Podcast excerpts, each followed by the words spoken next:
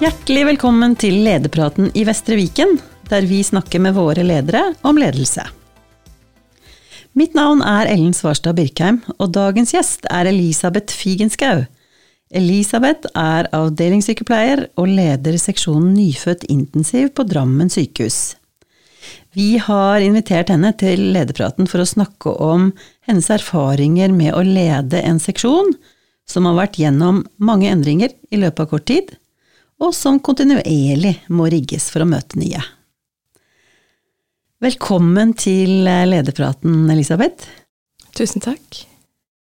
For nesten nøyaktig et år siden så gikk du inn i rollen som eh, seksjonsleder, da for nyfødt intensiv. Eh, og da kom du fra rollen som eh, spesialsykepleier i samme avdeling. Før jeg begynner å spørre deg litt om denne overgangen fra å være medarbeider til å bli leder, så jeg har lyst til å høre litt nyfødt intensiv. Hva innebærer det? Hvilken type seksjon er det du leder? Vi tar imot eh, syke nyfødte fra Ringerike, Bærum, Kongsberg og eget sykehus, Drammen, eh, som er i behov av intensivomsorg eh, etter fødsel. Riktig. Så det kan være alt fra kompliserte fødsler til premature ja, ja. Det er både prematuritet og det ned til gestasjonsalder uke 28 som vi har på Drammen. Og så er det jo andre eh, forskjellige kasuser som kan komme mm. uh, i forbindelse med fødsel eller etter fødsel. Mm. Infeksjonsbarn og ja. Riktig. Uh, hvor, hvor, stor er seksjonen din? Da tenker jeg på hvor mange senger har dere f.eks.? Vi har 17 plasser hos oss. Eh, vi har to tvillingrom, og så er vi da 15, 15 rom, men 17 sengeplasser totalt. Ja. Mm. Og disse rommene, de eh, Er det sånn at man må dele, eller får man et rom alene? Vi er jo en eh, eneromsbasert familieomsorgsenhet. Hvor familiene bor sammen med det nyfødte barnet sitt eh, hos oss. Og hvor vi også tar imot eh, søsken. Så det er eh, familie til stede på både intensivrommene og det vi kaller familierommene mm. hos oss. Mm. Så her kan hele familien eh, være faktisk hos dere? Hele familien kan være der, og, og vi ønsker at de skal være der. Ja, ikke sant. Eh, og så er det sikkert forskjellig, da. At noen er der kanskje lengre enn andre. Ja, det er helt avhengig av årsaken til innleggelsen. Mm. Noen er der bare til observasjon et døgn eller mindre i etterkant av fødsel. og og de vanskene som var i starten, går fort over. Og så er det de som har behov for litt antibiotikabehandling, kan bli noen døgn. Og så har vi de som da er eh, for tidlig fødte, og som trenger lang tid på sykehus. Og da snakker vi måneder og et halvt år. Ja, så lenge, ja. ja. ja. Og det å ha 17 senger og en såpass eh, Det er jo akuttdrift dere, dere holder på med. Eh, og ganske krevende ikke sant? Pasient, pasienter, da som krever mye. Eh, hvor mange medarbeidere har du hos deg? Jeg har 50 fast ansatte hos meg, og så har jeg jo som alle andre eh, ansatte som er ute i permisjon og, og gjør litt andre ting, og da har jeg vikariater òg, så to, totalt så leder jeg 70 ca. ansatte i snitt. Mm. Det er mange. Ja. Mm, det er det. Og så var det da sånn at du, du var medarbeider her, du, eh, på denne seksjonen. Og for omtrent et år siden så fikk du muligheten da til å eh, gå over til lederoppgaven. Hvordan, fortell litt, hvordan var den? Hva var det som gjorde at du valgte å gå inn i lederrollen, og hvordan var liksom den overgangen? Ja, jeg husker jeg fikk det spørsmålet på en av disse ledersamlingene vi hadde.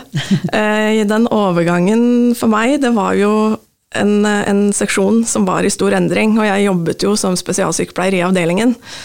Og vi hadde hatt eh, to lederbytter. Eh, det var en krevende situasjon hvor stadig en turnover som vi kjente mer og mer, vi som jobbet klinisk ute i drift. Og da det siste lederbyttet kom, så kjente jeg at jeg hadde en ekstra omsorg både for kollegaene mine og for seksjonen, og tenkte nå tilbyr jeg meg å, å gå inn i lederrollen og hjelpe i riktig retning. Um, for jeg mente og tenkte at det kunne være fint at noen som kjente det seksjonen hadde vært mm. og skulle være, um, og som kjente de ansatte, at det var en av, en av oss som um, skulle inn og ta den stabiliserende rollen. Akkurat. Så du, du, så et behov, og så tenkte du her kan jeg, kan jeg bidra, faktisk. Ja, jeg, til, jeg, er litt ydmyk, så jeg tilbød meg å bidra. Ja, jeg tenkte at er det, mener noen at jeg er riktig, så, så kjører jeg på. Ja. Mm. Hadde du noe ledererfaring før du, før du tenkte de tankene? Jeg har vært leder, konstituert leder på sykehjem ja. i halvannet år eh, før dette.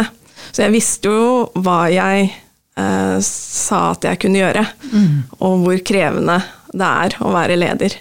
Så det hadde jeg med meg inn i, inn i tankene. Mm. For da så du at det var en sånn litt lite kontinuitet i, i ledelsen, liksom? Det var, det var, stadig litt sånn konstitueringer og ja, det ble dessverre sånn. Ja. Ehm, vi hadde jo hatt en veldig stødig leder i mange, mange mange år. Mm. Eh, som naturlig nok eh, skulle ta andre utfordringer og utvikle seg videre. Eh, og da kom det først en konstituering, og så hadde vi en ny leder inn, ehm, som valgte å, å gå ut igjen mm. ganske etter kort tid. Og da var det enten ny konstituering eller meg, så da ble det, ble det jeg som kom inn da. Mm. Så det året var turbulent. Ja. Og vi skal komme litt tilbake til det. Liksom, hva var det som hadde skjedd i løpet av det året? Hva var det, hvordan var situasjonen når du overtok? Men uh, før det um, du var medarbeider, du hadde kollegaer. Du var liksom i, uh, i det. Og så skulle du bli da kollegaene dine sine, sin leder. Var det, var det utfordrende? Jeg var veldig bevisst hva jeg gjorde, um, og konsekvensene av det. Mm. For meg så var det jo en indre drivkraft på at det var nettopp det at jeg hadde kollegaene mine og, og var glad i dem, mm. som gjorde at jeg valgte det byttet. Eh, men eh, at det er krevende å bytte fra å være eh, en kollega til å bli en leder, det, det er det jo. Men jeg har jo blitt tatt veldig godt imot av alle. Og de har vært veldig snille og omsorgsfulle tilbake igjen mot meg. Og det tror jeg har hjulpet veldig. Men det er klart, jeg savner jo jeg savner den, det å jobbe klinisk. Eh, det er noe helt eget, en eksepsjonell rolle å være sykepleier, og en identitet jeg har hatt i 15 år. Det å få lov til å være nærmest pasienten og, og gjøre, gjøre, noe, bety noe, gjøre en forskjell, det er jo en, en, unik rolle å ha i menneskers liv. Så det har jo klart det har vært en overgang fra den funksjonen og over, eh, over i lederrollen, mm. hvor jeg skal være en strateg. Ja, det er en annen rolle, det å være leder, enn det å være sykepleier. Men um, da hadde du Var det en liten sånn sorg da, Elisabeth, når du liksom måtte gå fra å være sykepleier og, og til å bli leder? Lå det en sorg, liten sorg i det? Det lå en liten sorg i det, helt klart. Og en sorg jeg har måttet bearbeide. Å finne min identitet eh, som sykepleier i en lederrolle. Det er jo et eget fag eh, som eh, leder, og det er et nytt fag. Eh, så det er jo klart at jeg har jobbet både med å beholde sykepleieren i meg, og det jeg bærer med meg av all yrkeserfaring og fagkunnskap jeg har som sykepleier, inn i den nye rollen og identiteten som leder for sykepleiere. Mm. Og så så du at det var jo da lederrollen og lederegenskapen som, som var tydelig for deg at her må det skje noe. Eh, nå stiller jeg meg eh, disponibel, eh, og den rollen ble din. Og når du da sto der, ok, dette er situasjonen, hvordan, var, hvordan så den situasjonen ut i seksjonen din? Hva var det du gikk til? Ja, det tok det litt tid for meg å finne ut av, rett og slett. Det var jo det som var krevende. Jeg tok over lederrollen og hadde en antagelse om hva situasjonen var. Eh, men så viste det seg jo at den var jo mer omfattende og krevende enn det jeg så for meg og var klar over, og som har krevd mer av meg enn det jeg noensinne egentlig trodde den skulle gjøre. Eh, for situasjonen i seksjonen var jo veldig krevende da jeg tok over. Så jeg brukte, de første tre månedene brukte jeg rett og slett på å, å avdekke hvor er vi, hva har skjedd, hvilke områder er det vi må starte med, eh, hva er det som har blitt hengende igjen dette året, hva er konsekvensen av, av, alle de endringene som har vært? Og da var det det første jeg gjorde, var å erkjenne. Uh, finne ut og erkjenne status. Og så komme og sette meg i en posisjon til å håndtere det. Mm. Kan du si noe om hva var det liksom som du, som du ikke hadde vært oppmerksom på? Hva var det som overraska deg kanskje mest? Det som overraska meg mest, er hvor, hvor, mange elementer som faller nesten som et korthus når først én ting begynner å skje, og en endring kommer. Og de neste også kommer eh, i forhold til ledelse, som har vært da eh, litt ustabilt til stede. Eh, det er jo mange prosesser ledere sitter med som da ikke blir håndtert. Mm. Og det er jo også en, en, stor prosess i forhold til de ansatte og hva de har stått i og står i, og det å hjelpe de gjennom endringene og over i noe nytt. Omfanget av det er jo stort mm. og krevende. Ja. Og så begynte du med noe, du skaffa deg en oversikt, du tok liksom litt eh, perspektivet. Eh, hva var det du så, liksom? Og så, og så, begynte du å jobbe, da, litt sånn målretta. Hva var noe av det første du eh, begynte med? Det jeg begynte med, var å eh, først å si det høyt. Dette er nå situasjonen. Mm. Eh, jeg begynte å styrke den nye ledergruppa som var rundt meg. Vi var jo bare nye fagutviklere og en helt ny lederstab midt i alt. Så det å sette seg ned sammen og si at dette er situasjonen, dette står vi i nå, ehm, hva skal vi gjøre videre? Hvor begynner vi? Og det å hele tiden tenke høyt sammen med andre, jeg, det var noe av det viktigste jeg gjorde. Fordi en gjerne tenker sjelden best alene. Så det å bruke de rundt meg, og også etter hvert involvere alle de ansatte eh, gradvis eh, inn i løsningene også. Men, men, det jeg så, det var jo at jeg måtte begynne veldig strategisk eh, med rammeverket til seksjonen. Seksjonen er som den er, og driften gikk sin gang, men vi måtte endre systemer på alle plan. Ja, Litt sånn uh, mer om det. Uh, hva innebærer det, å endre systemer på alle plan? Det høres stort ut? Det høres veldig stort ut. Nei, altså vi måtte jo endre både kompetanseplanen vår, nyansatt uh, opplæring. Vi måtte endre hvordan vi så på kompetansestigen når man skulle nå de ulike målene eller trinnene i sin egen kompetanseutvikling. Mm. Vi måtte endre sykefraværsoppfølging. Vi måtte endre struktur for medarbeidersamtaler.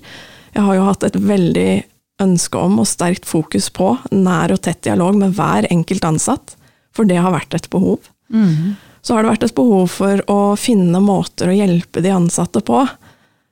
Det å se de menneskene de er, og ta vare på de. Deres sorgreaksjon og deres Eh, fysiske reaksjoner på den arbeidsmengden og arbeidsbelastningen de sto i, og den psykologiske utryggheten som regjerte. Mm. Så der var det jo også å gå inn med, med arbeidsmiljøtiltak, eh, og starte å skape en psykologisk trygghet. Og så har det vært eh, en seksjon som i mange mange år ble driftet litt med mange ansatte med lang erfaring. Eh, ting satt i ryggmargen på de ansatte. Mm. Så måtte jo, vi måtte back to basic. Vi måtte bygge oss opp igjen. Starte, starte på scratch, rett og slett. Mm. Uh, og så er det jo hele tiden dette med å, med å se ok, hva, hva, hva, skjer? Hvor er vi i fasen nå? Uh, hva trenger vi nå? Hele tiden være dynamisk og, og, finne de løsningene som kreves av situasjonen der og da. Mm. Og det er jo fra uke til uke har vi vært villige til å endre oss i takt med tilbakemeldinger fra de ansatte. Og, og, hvordan de har opplevd situasjonen. Mm. Og da har du hatt med deg dine på det? Eh, rett og slett en åpenhet da, i forhold til hvor er vi, erkjenne det sammen. Og så har dere jobba ut ifra det, og da har du fått de med deg på de endringene som ble nødvendige. Ja, og det er jo det som er utrolig rørende og mm. flott. Mm. Det er jo at i hver enkelt ansatt, um, som jeg ofte ser på som mer kollega enn ansatt, mm. så er det sterke ressurser. Det er kloke, dyktige fagfolk Eh, og flotte mennesker som selv eh, drar seg i riktig retning, og som har et sterkt engasjement. Og jeg tror det å Jobben min var å se det og anerkjenne det, og så, så ville de være med. Mm. Så det at du kjente de som du da nå leda, det var en styrke for deg. Du, du visste hva som bodde i de, og hvordan du kunne bruke det. Ja det var absolutt en styrke og en nødvendighet. Det å kjenne sine ansatte og styrker, det er jo utrolig viktig, for da kan man bruke de. Mm. Eh, og gi de den anerkjennelsen de fortjener, også i en vanskelig situasjon. Mm. For det er jo klart at når vi er i en pressa situasjon i en, en seksjon, eh, og alle er litt på sparebluss, så kommer det jo fram sider i oss og forsvarsmekanismer mot den typen situasjon som gjør at vi kan framstå annerledes enn det vi gjør under optimale forhold. Mm. Men jeg var hele tiden veldig trygg på og stødig på hvem jeg hadde rundt meg, og hva som bor i de. Ja. Stor støtte der. Men så var det jo sånn at du, du mangla jo også folk. Du hadde dine Du hadde liksom den, den bemanningen du hadde igjen, men du så jo at du, du måtte ha fler. Det var mange som slutta på en gang, som du sa, og det ble litt sånn Ja, det, når noen slutter, så blir det kanskje sånn at det er flere som gjør det samme. Ja, det var jo en høy postpandemisk oppsamla turnover, som det heter så fint. Ja. Hvor mange tenkte tanken samtidig på både nye utfordringer, eh, studier, videre, videre karrierevei, samtidig som det også var mye familieliv som hadde kommet til under pandemien, som gjorde at man ønsker endringer. Så det var mange naturlige årsaker til en høy turnover. Mm. Men den rammet jo kraftig, eh, og den er jo oppe i 40 ansatte. Så en del av den prosessen jeg gjorde helt i starten, det var jo å avdekke nettopp ok, hvor- mange ansatte har vi, og hvor, hvor mange trenger vi. Ja. For det var det heller ikke klarhet i, så der eh, satt jeg sammen med seksjonskonsulenten min og, og prøvde å finne ut av, få oversikt over hvor er vi nå. Mm. Eh, Og så begynte en an ansettelsesprosess, da. ja. For én ting er liksom antallet, hvor mange trenger jeg, men så er det noe med den der kompetansen, da. Hvilken kompetanse er det dere trengte? Vi trengte jo spesialsykepleiere med, med videreutdanning og erfaring fra nyfødtomsorgen. Eh, og det var, eh, og er, en mangelvare. Så vi fikk jo ikke det på søkelista, men vi fikk utrolig dyktige andre sykepleiere. Både med erfaring fra helsevesenet, og noen som kom rett fra skolebenken. Men det som ble veldig viktig i rekrutteringsprosessen, var å kjøre eh, den på en ryddig og ordentlig måte. Eh, Og at jeg snakket med de som kom til meg på intervju, fortalte de om seksjonen, og var helt klar og tydelig på forventningene mine, eh, og hvordan den prosessen kom til å være. Mm. Og også eh, kunne de komme med innspill i forhold til hvordan de opplevde det jeg fortalte om i jobbintervjuet. Så fikk vi en dialog på om det var riktig eller ikke å begynne å jobbe hos oss. Ja, ikke sant. For da, det er noe med å være sånn ærlighet, liksom. Hva er, det de, hva er det som kommer til å møte søkerne dine? Er det det du da Ja. tenker på? Ærlighet på, Ja. Mm. på hva det kreves å begynne hos oss, og, og hva vi forventer. Jeg tror det har gjort at de er tryggere på meg som lederen deres, eh, eller deres fremtidige leder, enn om jeg hadde ikke sagt noe om det, og ikke skreddersydd intervjuene på den måten. Da. Og så er det jo noe med min samvittighet som leder også. Jeg ønsker aldri å ansette noen hvor jeg gir de en falsk forhåpning eller feil forventning til hva slags arbeidsplass de kommer til. Det er også mitt ansvar. For det er, eh, jeg skal ta vare på de som begynner hos meg. Ja. Men um, da var det jo i hovedsak sykepleiere som, som du ansatte. Det var det var riktig? det, Ja. Eh, og så var det kanskje da mm, spesialsykepleiere, intensivsykepleiere, som hadde vært liksom det, det perfekte, da. Som ikke det var tilgang på. Altså, hva gjorde du, du sa litt om det, men litt mer. Hva, hvordan preppa du disse? Hvordan, hvordan la du opp løpet for disse, for å istandsette de til å gjøre de oppgavene? Da er det å møte hver enkelt der de er i karrieren sin, eh, eller eh, ikke har begynt karrieren sin denne mm. gang. ikke sant? De som kom fra, fra bachelorutdanningen, de trengte noe annet av meg enn det eh, erfarne sykepleiere gjorde fra andre seksjoner på sykehuset eller fra kommunehelsetjenesten. Men det er å møte hver enkelt der de er, eh, lytte. Snakke med de, hva trenger dere? Og så samtidig så la vi om hele kompetanseplanen og nyansattplanen i, i seksjonen samtidig. Så det er jo klart at vi hadde jo en eh, sterkere ramme rundt å få de opp eh, dit de skal, Mm. eh, på en trygg måte. Ja, for da, da hadde dere liksom noen For dere end, ja, dette er jo litt i det, da. Mye endringer eh, som skjer samtidig. For noe skal liksom endres av rammer, noe skal endres nye mennesker inn. Og så skal man jo også da klare å skape et lag da, som trekker i, i riktig retning. Så med de du hadde fra før, og såpass mange nye inn på, i løpet av kort tid, hva gjør det med en seksjon? Hva gjør det med arbeidsmiljøet? Hvordan håndterte du det?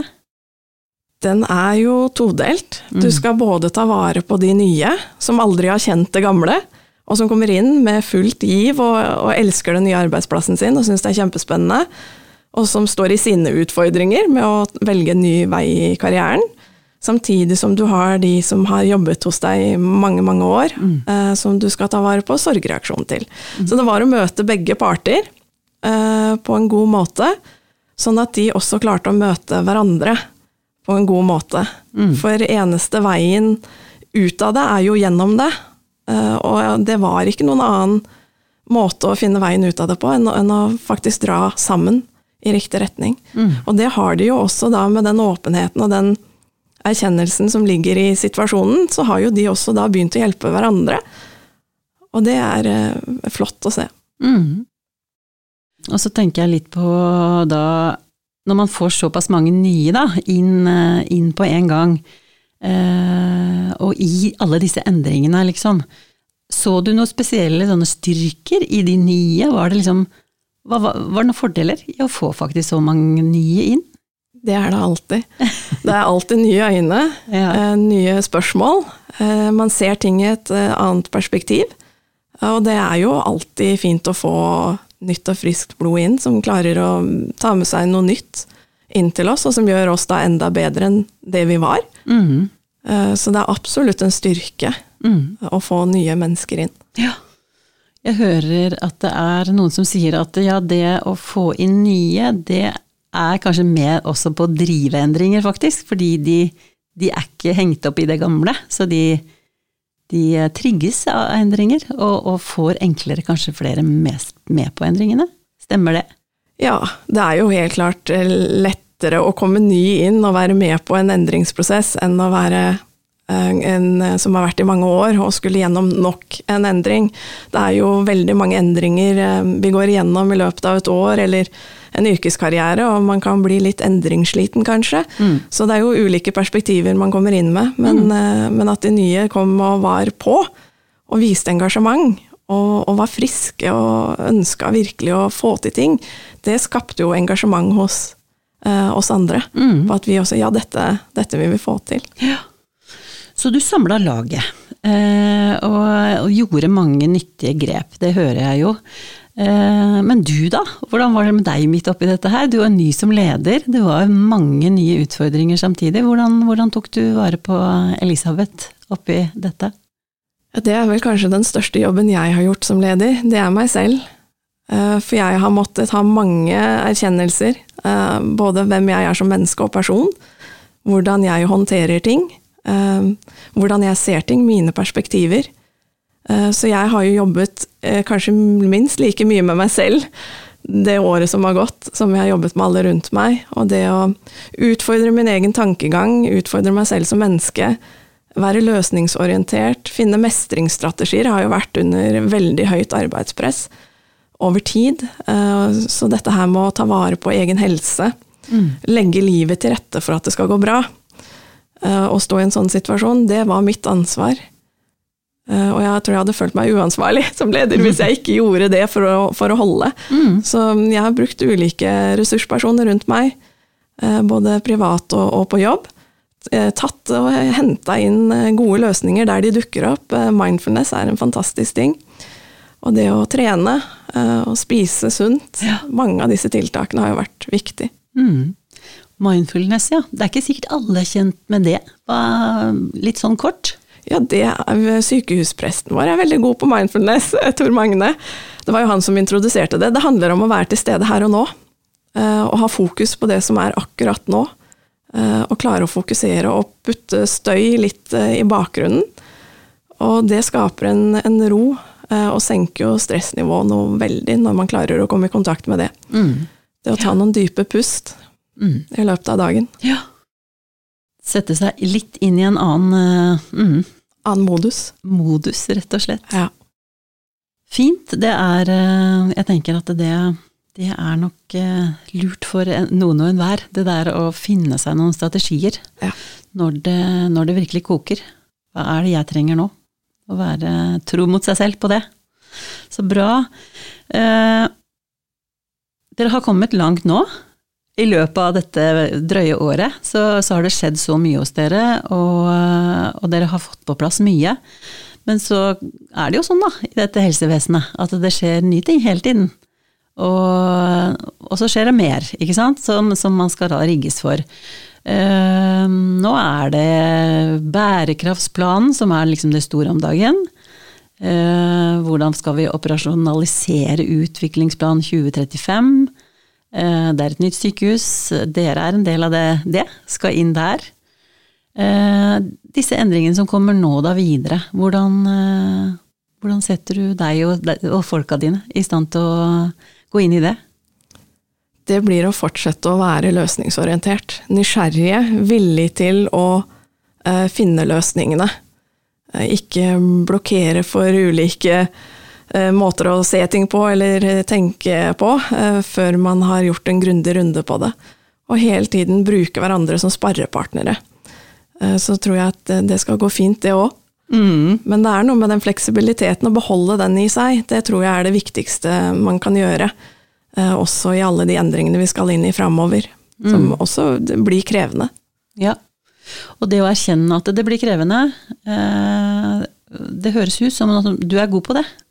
Altså du, du, ser, her kommer det noe, det kommer til å bli krevende, jeg kjenner det, og jeg tar med meg folka mine på, på at de også må erkjenne det, og så finner vi løsninger. Ja. ja. Riktig. Um, du sier det her å fortsette å være nysgjerrig, åpen, konstruktiv. Um, er du nysgjerrig av natur? Jeg, må, jeg blir jo litt spent på det. Jeg er jo litt nysgjerrig av natur. Jeg er det. Og jeg er løsningsorientert. Ekstremt løsningsorientert. Eh, så jeg har jo lært meg til en måte å tenke på som gjør at ok, eh, står vi fast, så, så må vi finne løsninger et annet sted og fortsette å stå fast. Det er på en måte ikke noe løsning i seg selv å bli stående der man er, i frustrasjon og, og utfordringer. Da graver vi oss ned, og det er veldig lite hensiktsmessig å grave seg ned. Mm. Eh, det er mye bedre å, å komme seg opp Mm. Og finne, finne, måter å gjøre det på. Ja. Elisabeth, vi nærmer oss eh, avslutningen, men det er én ting jeg bare må spørre deg om først. Eh, hvis du fikk valg igjen, eh, hvis du sto der som, som, du gjorde for drøye år siden, og fikk valget om å lede denne seksjonen, hva hadde svaret ditt vært? Jeg hadde svart ja en gang til. Ah, uten ah, tvil. Bra. Jeg visste at jeg turte å spørre deg om det. Ja. eh, si litt mer. Hvorfor det? Hva er det liksom du sitter og kjenner på at eh, ja, jeg er glad jeg tok det valget, og jeg står i det valget? Jeg tror det er en takknemlighet over at jeg får lov til å hjelpe de jeg en gang var selv, med å ha en god arbeidsplass, med å kunne gjøre jobben sin, med å være de viktige personene i samfunnet som de er det å få lov til å være den bak, som prøver å gjøre det best mulig å ha den rollen, det er en, en takknemlig rolle å ha. Selv om den er utfordrende, og selv om den eh, utfordrer mye av meg selv som menneske også, så ser jeg at eh, jeg er veldig heldig eh, som får lov til å ha den rollen. Og jeg er også veldig heldig som får lov til å se alle de fine menneskene som utfører jobben, og se hvem de er. Utrolig takknemlig posisjon å ha. Mm. Så du er tett på dine folk. Eh, og så tilbake til den lille sorgen med å ikke være sykepleier. Det er jo så Jeg tenker bare den seksjonen din med disse familiene da, som er i sårbare situasjoner. Klarer du å være litt tett på de òg, innimellom? Ja, det er utrolig viktig. Så jeg er tett på, og jeg bruker all den fagkunnskapen og erfaringen jeg har til å fange opp når de trenger meg, eh, når de ønsker meg. Og så er rollen min å sørge for at eh, alle folka eh, er de som er eh, i stand til å hjelpe foreldrene og krisene. når de ikke ønsker en leder inn. Det kan ofte være litt belastende å få en, en seksjonsleder inn på, på, rommet sitt og skal løse opp i ting. Det kan nesten oppleves som at du blir sendt til rektor, og at rektor er på plass. Mm. Så noen ganger så er det bedre å, at jeg styrker de som faktisk er nærmest til ja. å stå i det. Ja. Klokt. Uh, helt sist, uh, det sitter mange ute i foretaket vårt som kanskje er i en samme setting som deg. Skal jeg si ja til uh, å være leder i foretaket, eller ikke? Har du noen råd til de? Ja, det er å være bevisst at idet man tar valget, så har man tatt et valg. Da har man valgt å bli leder. Men vi er mange som har valgt det. Og vi er også mange som har gått fra å være klinisk utøvende sykepleiere til å ta et nytt fagansvar som leder. Eh, så det å snakke med hverandre er utrolig viktig. At vi bruker hverandre. At vi ikke trenger å løse verdensproblemene alene. Og så er det jo også det med å gå en liten runde med seg selv i hvorfor skal noen ville følge meg? Eh, hvem er jeg som leder, og hvem vil jeg være? Mm. Hvorfor skal noen ledes av meg, ja? Du, dette var uh, veldig fint. Uh, jeg bare ønsker deg masse lykke til eh, videre, og seksjonen din også, eh, med endringer videre, for de kommer jo, og det å lede i endring, det er kanskje den nye normalen. Eh, og mye lure grep her, tenker jeg, som du har delt med lederne våre. Så da sier jeg tusen takk for at du tok eh, turen til lederpraten, og lykke til fremover. Takk for at jeg fikk komme.